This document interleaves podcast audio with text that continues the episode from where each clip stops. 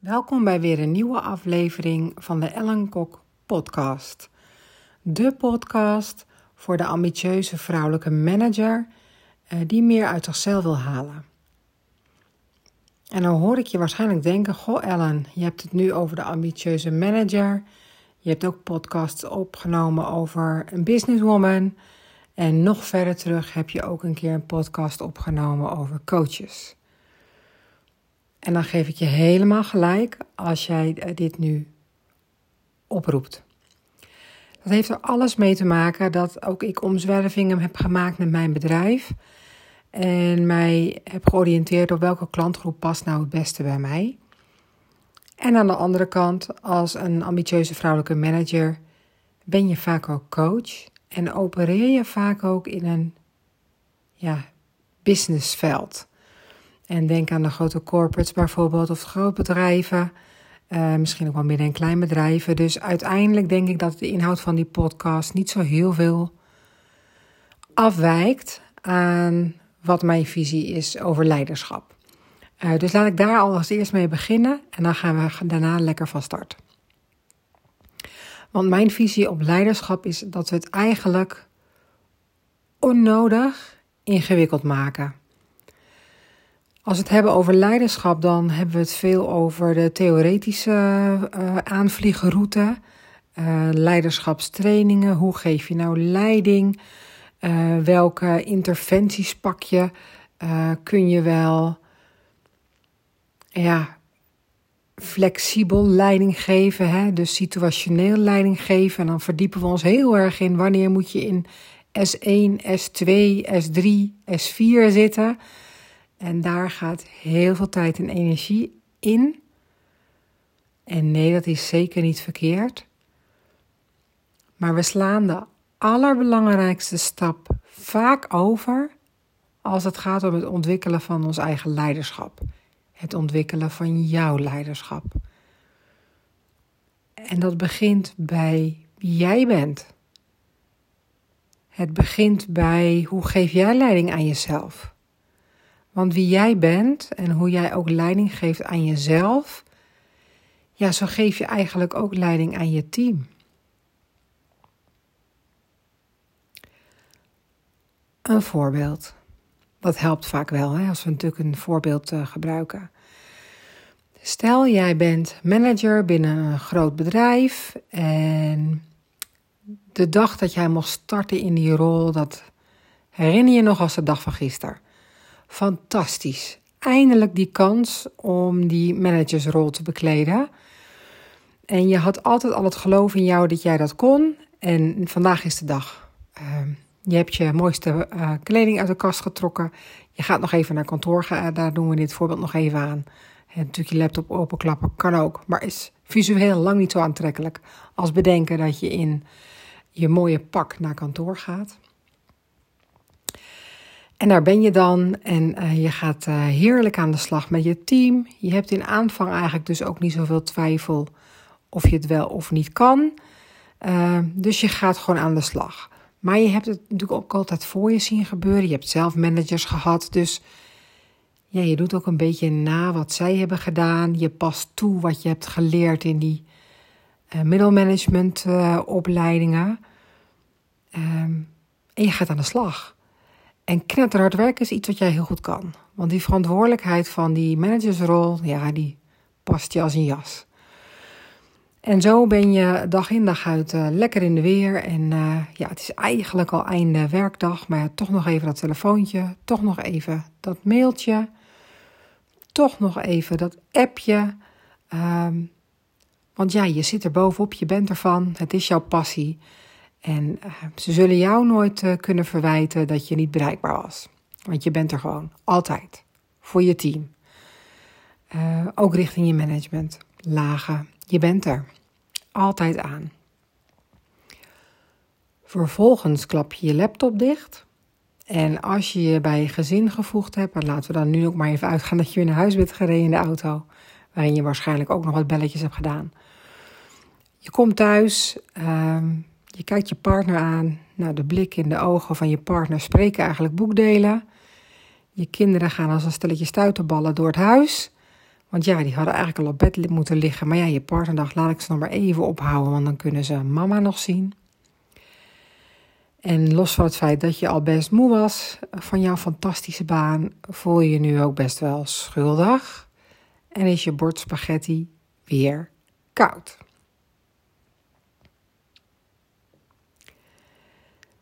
Vervolgens gaat er heel snel alweer een gedachte in je hoofd van ja, nou ja, dat hoort nou eenmaal ook bij mijn baan als manager. Ik heb die verantwoordelijkheid, dus die moet ik ook nemen. Uh, ja, dit is dan maar even zo. Uh, en dat schuldgevoel douw je, douw je maar heel snel weer gauw aan de kant. Ondertussen weet je stiekem ook wel dat dit eigenlijk vaker gebeurt dan je lief is. En ja, het is wel een toffe baan. Maar een betere werk-privébalans zou toch eigenlijk ook wel lekker zijn. En de volgende dag zit je weer met je team en heb je het over hun energie aan het einde van de dag. Maar ook zij gaan door, want ja, zij krijgen ook mailtjes rond een uur of uh, voorbij de werkdag van hun manager en krijgen daarmee ook het gevoel: ik moet er altijd zijn, want mijn manager is er altijd.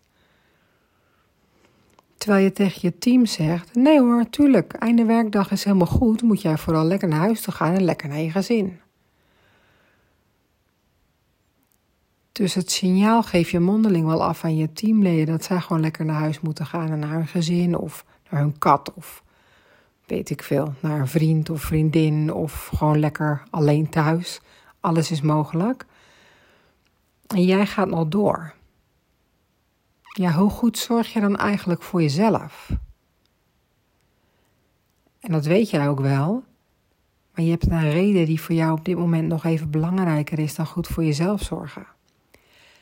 En dat is namelijk dat jij wil bewijzen dat je de beste vrouw bent voor de job.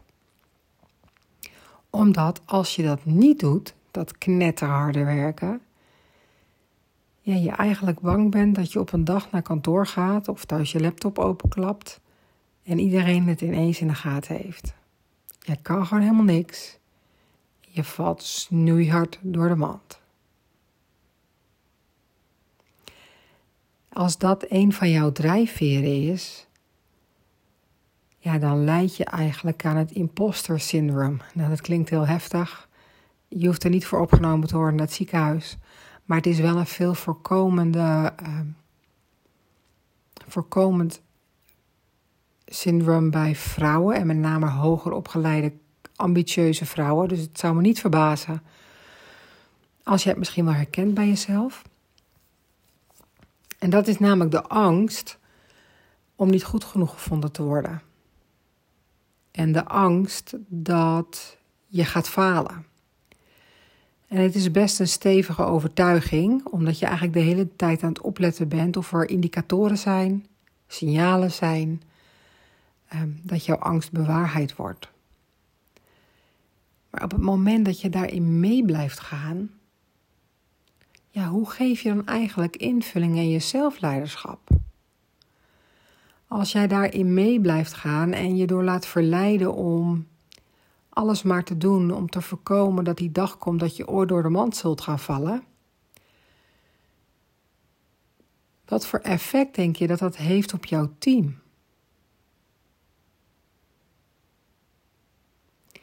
En ik laat bewust nu heel even ook een stilte vallen, zodat jij bij jezelf ook kan nagaan: ja, herken ik dit?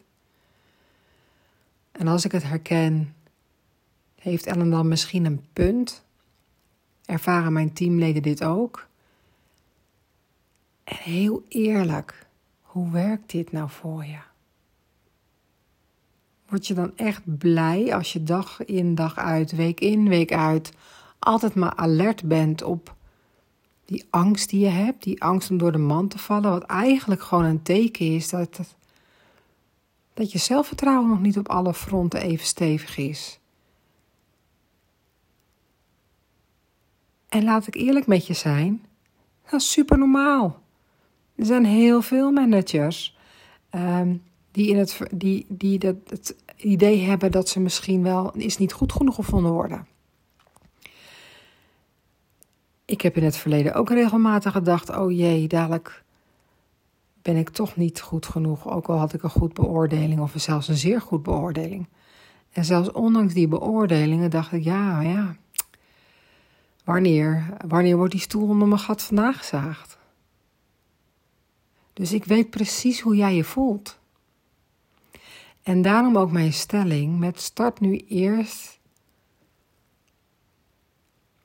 om handvatten te krijgen voor jezelf, om met je eigen zelfleiderschap aan de gang te gaan, omdat ik het jou ook gun als manager, maar ik gun het ook vooral jouw team.